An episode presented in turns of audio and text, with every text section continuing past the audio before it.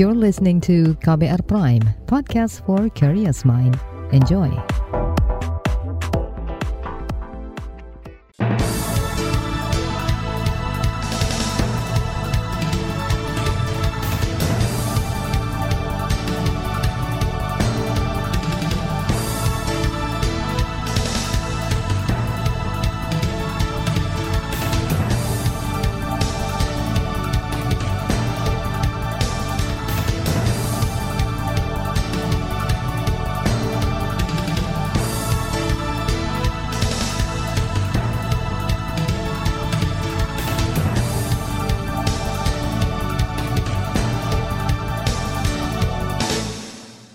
Selamat pagi saudara, senang sekali kami bisa menjumpai Anda kembali melalui program Buletin Pagi edisi Rabu 4 Mei 2022.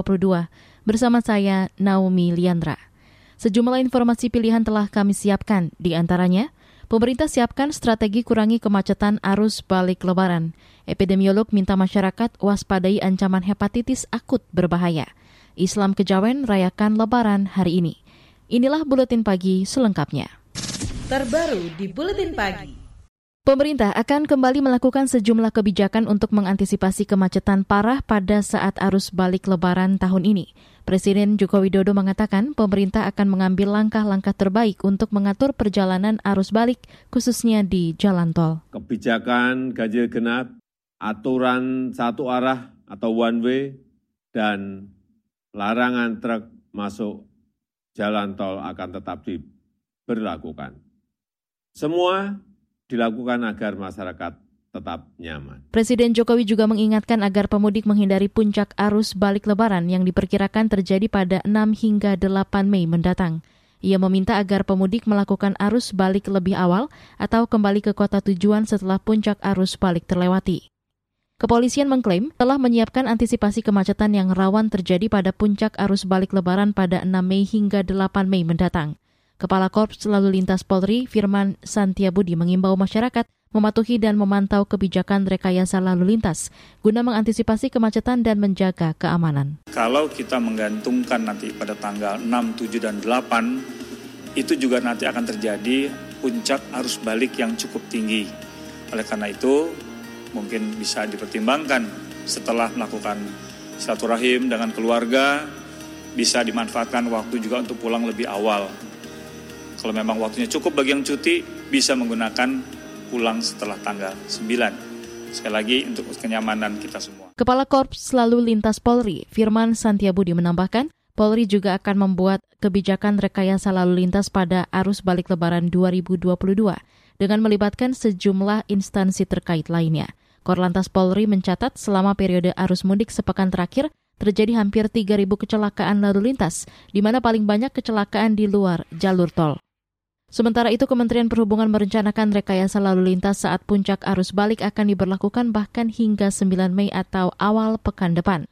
Direktur Jenderal Perhubungan Darat Budi Setiadi mengatakan, rekayasa lalu lintas di jalan tol meliputi jalan satu arah atau one way, lawan arus atau kontraflow hingga pemberlakuan ganjil genap. Selain itu di Pelabuhan Merak, Banten, Kementerian Perhubungan juga akan menambah dermaga dan kapal berkapasitas 500-an kendaraan untuk mengurai kemacetan di penyeberangan. Yang agak rawan saat sekarang ini menurut saya agak merata ya. Tapi dalam arti sebenarnya kemacetan karena memang volume yang tidak sebanding dengan kapasitas. Namun demikian kan tetap ada proses dalam arti tidak berlama-lama gitu. Mungkin lagi antrian saja karena memang kapasitas yang terbatas. Yang pertama ya jalan tol nanti, terutama di kilometer dari 60 sampai dengan ke Jakarta karena nanti kan kan itu pertemuan antara di Bandung sama dari arah timur. Tapi di situ nanti kita akan lakukan one way lah kepolisian, mungkin potensi sampai dengan Jakarta. Jadi bukan sampai 47 sampai sampai dengan Jakarta. Dirjen Perhubungan Darat di Kementerian Perhubungan Budi Setiadi memperkirakan kemacetan juga rawan terjadi di jalan nasional non-tol, misalnya jalur Bumi Ayu dan Aji Barang serta arah lokasi wisata.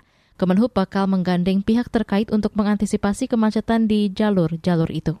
Selain itu, Kemenhub juga bakal memfasilitasi bus gratis untuk pemudik kembali ke wilayah domisili dengan kuota terbatas. Organisasi Angkutan Darat atau Organda meminta pemerintah memastikan kelancaran jalur non-tol saat arus balik lebaran nanti. Sekretaris Jenderal Organda Ateng Aryono mengatakan kebijakan satu arah saat arus mudik pekan lalu menyulitkan armada angkutan penumpang yang ingin kembali lagi ke ibu kota untuk mengangkut penumpang berikutnya. Seperti di arteri nasional di Pantura dan hmm. jalur-jalur di sekitarannya. Ya, itu itu itu menjadi cara kecuali mungkin nanti kepolisian di wilayah ya dan dan semua otoritas wilayah kompak bom membau untuk melancarkan juga jalur arteri nasionalnya. Tidak hanya sekedar tolnya, tapi arteri nasional juga cukup dipikirkan agar gangguan samping tidak cukup banyak dan juga uh, aktivitas masyarakat di spot-spot itu bisa lebih terkendali. Sekjen Organda Ateng Aryono menyarankan pemudik menggunakan angkutan umum saat arus balik lebaran nanti. Sementara untuk pemudik yang menggunakan kendaraan pribadi, Ateng menyarankan agar menghindari puncak arus balik yang diperkirakan terjadi pada 6, 7, dan 8 Mei mendatang.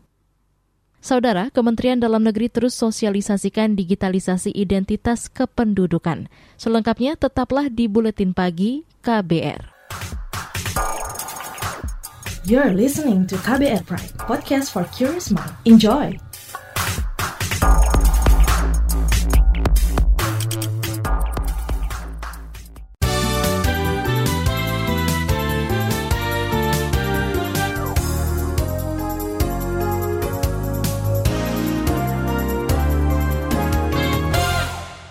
Anda sedang mendengarkan buletin pagi KBR.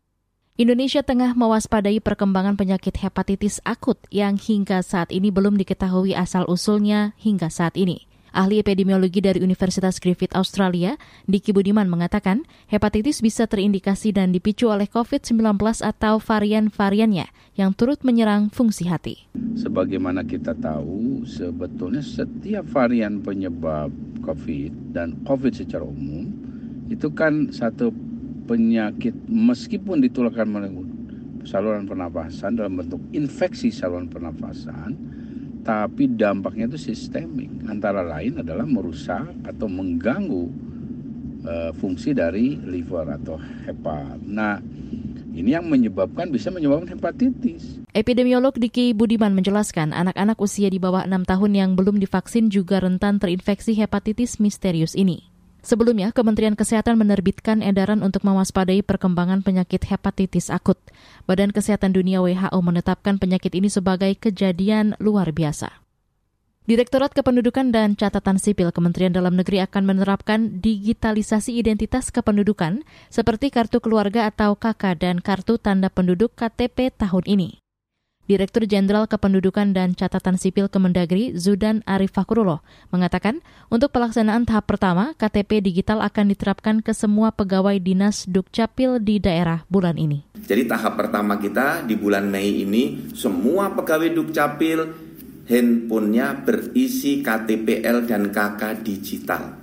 Mengapa pegawai Dukcapil? Agar bisa sosialisasi dengan menunjukkan contoh ini loh di handphoneku sudah ada KTP digital, KK digital. Jadi nggak perlu disimpan di dompet. Dirjen Kependudukan dan Catatan Sipil Kemendagri Zudan Arif Fakhrullah menambahkan, digitalisasi identitas kependudukan selanjutnya akan diterapkan ke seluruh aparatur sipil negara atau ASN di seluruh daerah di Indonesia.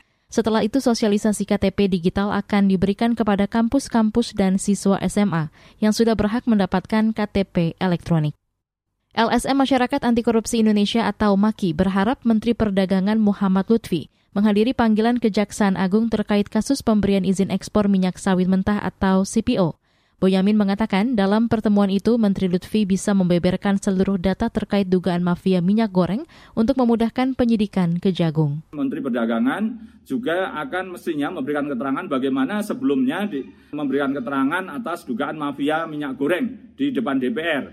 Nah, Apakah dia tahu dugaan-dugaan itu sejauh mana dan sekalian memberikan keterangan kepada Kejaksaan Agung bahwa ini juga selain mengungkap tiga perusahaan bisa juga mudah-mudahan Menteri Perdagangan memberikan data yang sebanyak-banyaknya dan sehingga Kejaksaan Agung mampu mengungkap yang lebih besar lagi, lebih banyak lagi. Itu harapan kami. Itu tadi Koordinator LSM Maki Boyamin Saiman. Sebelumnya Jaksa Agung Muda Pidana Khusus Kejaksaan Agung Supardi menyampaikan rencana memanggil Menteri Perdagangan Muhammad Lutfi sebagai saksi dalam kasus penyelewengan izin ekspor minyak goreng. Dalam kasus ini Kejaksaan Agung menetapkan empat tersangka. Tiga di antaranya dari produsen minyak goreng dan satu orang pejabat dari Kementerian Perdagangan. Kita ke informasi ekonomi. Menteri Pariwisata dan Ekonomi Kreatif Republik Indonesia Sandiaga Salahuddin Uno dijadwalkan menjadi pembicara di sidang umum Perserikatan Bangsa-Bangsa PBB hari ini. Sandiaga Uno rencananya memaparkan isu pengembangan desa wisata dan ekonomi yang berkeadilan untuk semua lapisan masyarakat. Sandiaga Uno hadir atas undangan dari Ketua Majelis Sidang Umum PBB Abdullah Sahid. Dalam keterangan tertulisnya, Sandiaga Uno mengatakan akan mendorong pengembangan investasi pariwisata berkelanjutan yang membawa kesejahteraan bagi masyarakat luas. Salah satu realisasinya adalah membahas komunitas berbasis pariwisata yang terimplementasi dalam program pengembangan desa wisata. Pengembangan desa wisata ini menjadi bagian dari rencana strategis Organisasi Pariwisata Dunia UNWTO sebagai upaya pemulihan sektor pariwisata dunia yang lebih berkualitas dan berkeadilan untuk kesejahteraan masyarakat. Saudara, kasus terkonfirmasi positif COVID-19 di Indonesia dalam satu terakhir bertambah 107 kasus dan 18 kematian.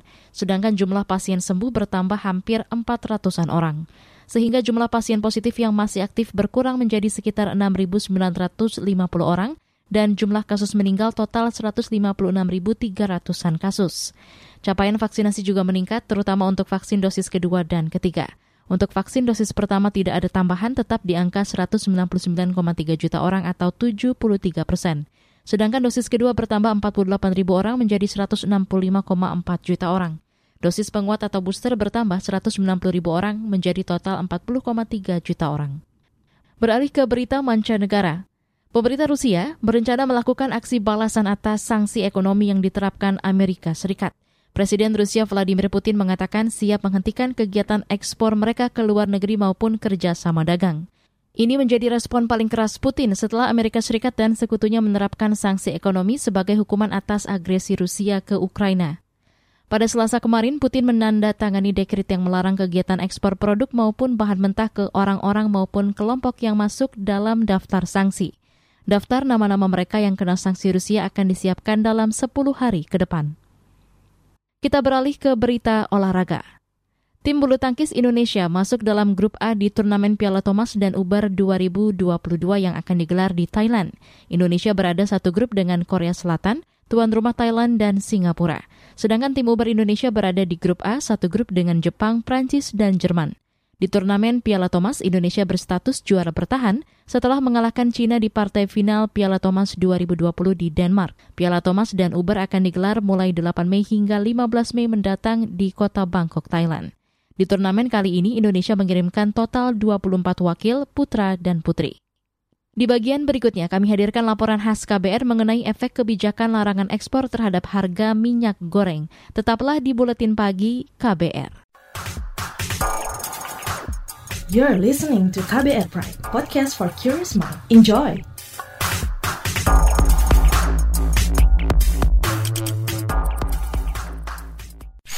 Commercial break. Commercial break.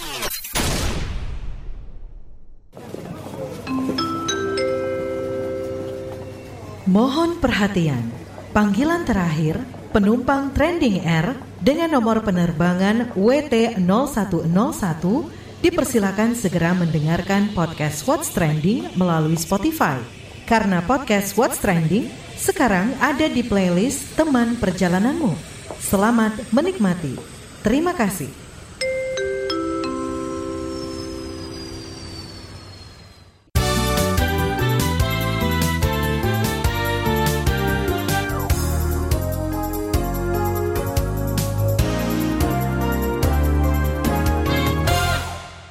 Anda masih bersama kami di Buletin Pagi KBR. Harga minyak goreng dikabarkan mulai turun setelah pemerintah memperlakukan kebijakan larangan ekspor bahan baku. Sejauh mana efektivitas larangan itu? Berikut laporan khas KBR disampaikan Agus Lukman. Harga minyak goreng kemasan di sejumlah daerah di Indonesia mulai bergerak turun sejak pemerintah memperlakukan larangan ekspor bahan baku minyak goreng mulai 28 April lalu. Harga minyak goreng turun berkisar Rp100 hingga Rp300 dari harga sebelumnya, baik untuk minyak goreng curah maupun kemasan bermerek 1 dan bermerek 2. Meski begitu, penurunan masih tidak merata dan masih kecil, meski kebijakan sudah berlaku selama sepekan. Harga minyak goreng kemasan masih di atas Rp23.000 per liter dan harga minyak goreng curah masih di atas Rp17.000 per liter. Situs Pusat Informasi Harga Pangan Strategis Nasional juga belum memperbarui harga, di mana data terakhir direkam pada 29 April lalu. Meski begitu, pemerintah mengklaim terus berupaya mengendalikan harga minyak goreng dalam negeri, khususnya minyak goreng curah. Wakil Presiden Ma'ruf Amin mengatakan untuk minyak goreng kemasan, harganya mengikuti nilai keekonomisan global yang saat ini masih terus tinggi. Tapi yang curah ini yang oleh pemerintah supaya tetap ditekan dan melalui upaya-upaya operasi-operasi pasar ya ke mana-mana. Kita harapkan nanti dalam waktu yang tidak terlalu lama bisa kembali normal. Seperti harga-harga kemarin yang naik, sekarang kan sudah mulai normal. Dan kita harapkan nanti dengan adanya tindakan-tindakan pemerintah, kemudian pengawasan, minyak goreng ini akan kembali normal seperti sedia kala. Sebelumnya, Presiden Joko Widodo mengumumkan larangan sementara ekspor produk minyak kelapa sawit. Larangan berlaku sejak Kamis pekan lalu. Larangan akan dicabut apabila stok minyak goreng dalam negeri sudah dianggap mencukupi kebutuhan nasional. Ini juga untuk menegaskan agar perusahaan minyak goreng memprioritaskan kebutuhan dalam negeri dan taat pada kebijakan ekspor. Larangan ekspor diberlakukan untuk berbagai produk minyak sawit, seperti minyak sawit mentah atau CPO, minyak sawit yang sudah dimurnikan atau RBD palm oil, hingga minyak sawit yang sudah diolah atau olein. Menteri Perdagangan Muhammad Lutfi mengatakan akan memberikan sanksi bagi eksportir yang melanggar aturan itu. Saya tegaskan, eksportir yang melanggar akan dikenai sanksi sesuai peraturan perundang-undangan yang berlaku. Dan saya pastikan pemerintah bersama-sama dengan kepolisian dan aparat penegak hukum lainnya akan memantau seluruh pelaksanaan kebijakan ini. Bagi eksportir yang telah mendapatkan nomor pendaftaran pemberitahuan pabean ekspor, paling lambat 27 April 2022 tetap dapat melaksanakan ekspor. Aturan larangan ekspor produk minyak sawit akan dievaluasi secara periodik setiap bulan atau setiap saat jika dibutuhkan. Larangan sementara ekspor ini merupakan upaya untuk mendorong ketersediaan bahan baku, juga untuk pasokan minyak goreng di dalam negeri, dan menurunkan harga minyak goreng ke harga keterjangkauan. Namun kebijakan larangan sementara ekspor produk kelapa sawit ini dinilai tidak cukup efektif untuk menstabilkan harga. Ekonom dari Lembaga Kajian Ekonomi Indef, Rusli Abdullah menilai, kebijakan itu tidak akan berpengaruh cukup besar terhadap upaya menyetarakan harga minyak goreng curah sesuai harga eceran tertinggi sebesar Rp14.000 per liter kejadiannya berapa lama mas? Nggak usah ada larangan ekspor mas. Udah itu eh, pandangan saya demikian. Jadi nggak usah ada larangan ekspor tapi pemerintah memastikan agar oleh itu bilang ke pengusaha berapa HPP-mu eh, berapa HPP kemudian berapa yang saya dibutuhkan untuk biar HET-nya 14 ribu hmm. tinggal kawal eh, distribusinya. Udah mas segampang itu. Nggak usah ibaratnya mau kalau dilarang malah ini ada. Kasus mahalnya minyak goreng sebelumnya menyeret empat orang sebagai tersangka dalam kasus penyelewengan izin ekspor produk CPO. Satu orang tersangka adalah pejabat Kementerian Perdagangan dan tiga orang lain merupakan petinggi tiga perusahaan produsen minyak goreng. Demikian laporan khas KBR, saya Agus Lukman. Informasi dari berbagai daerah akan hadir usai jeda. Tetaplah bersama Buletin Pagi KBR. You're listening to KBR Pride, podcast for curious mind. Enjoy!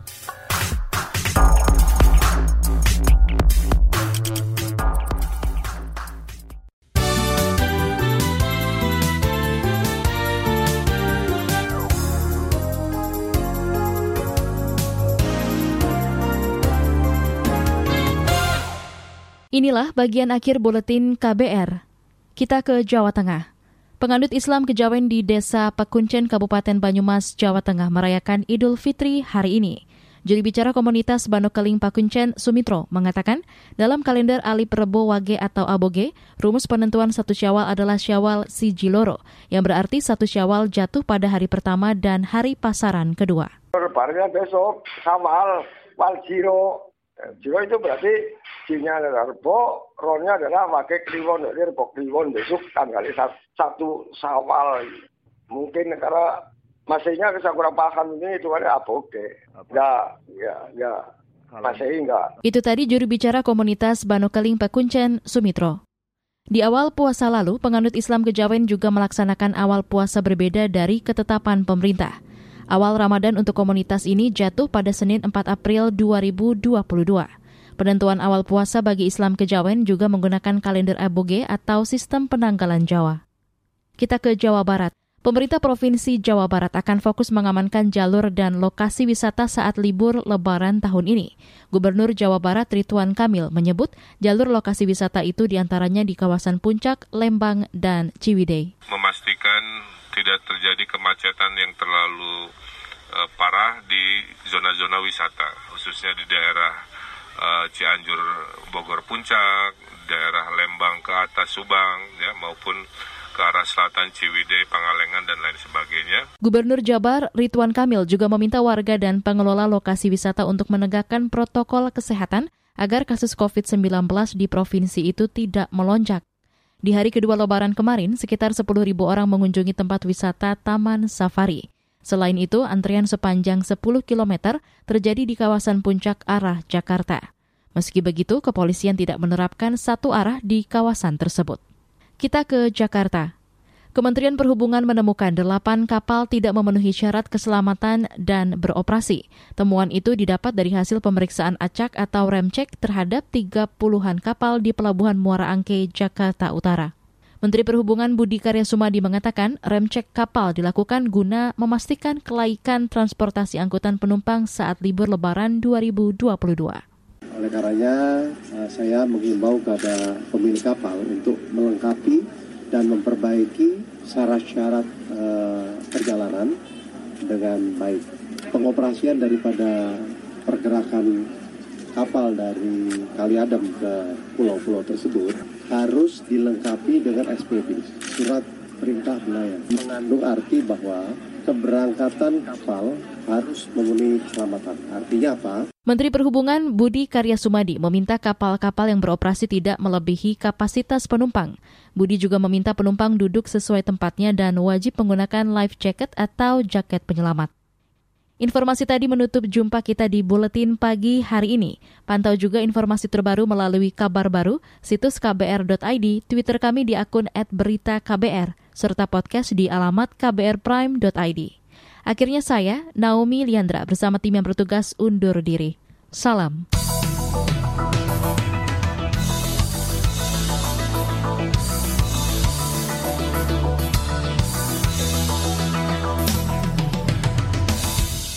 KBR Prime, cara asik mendengar berita. KBR Prime, podcast for curious mind.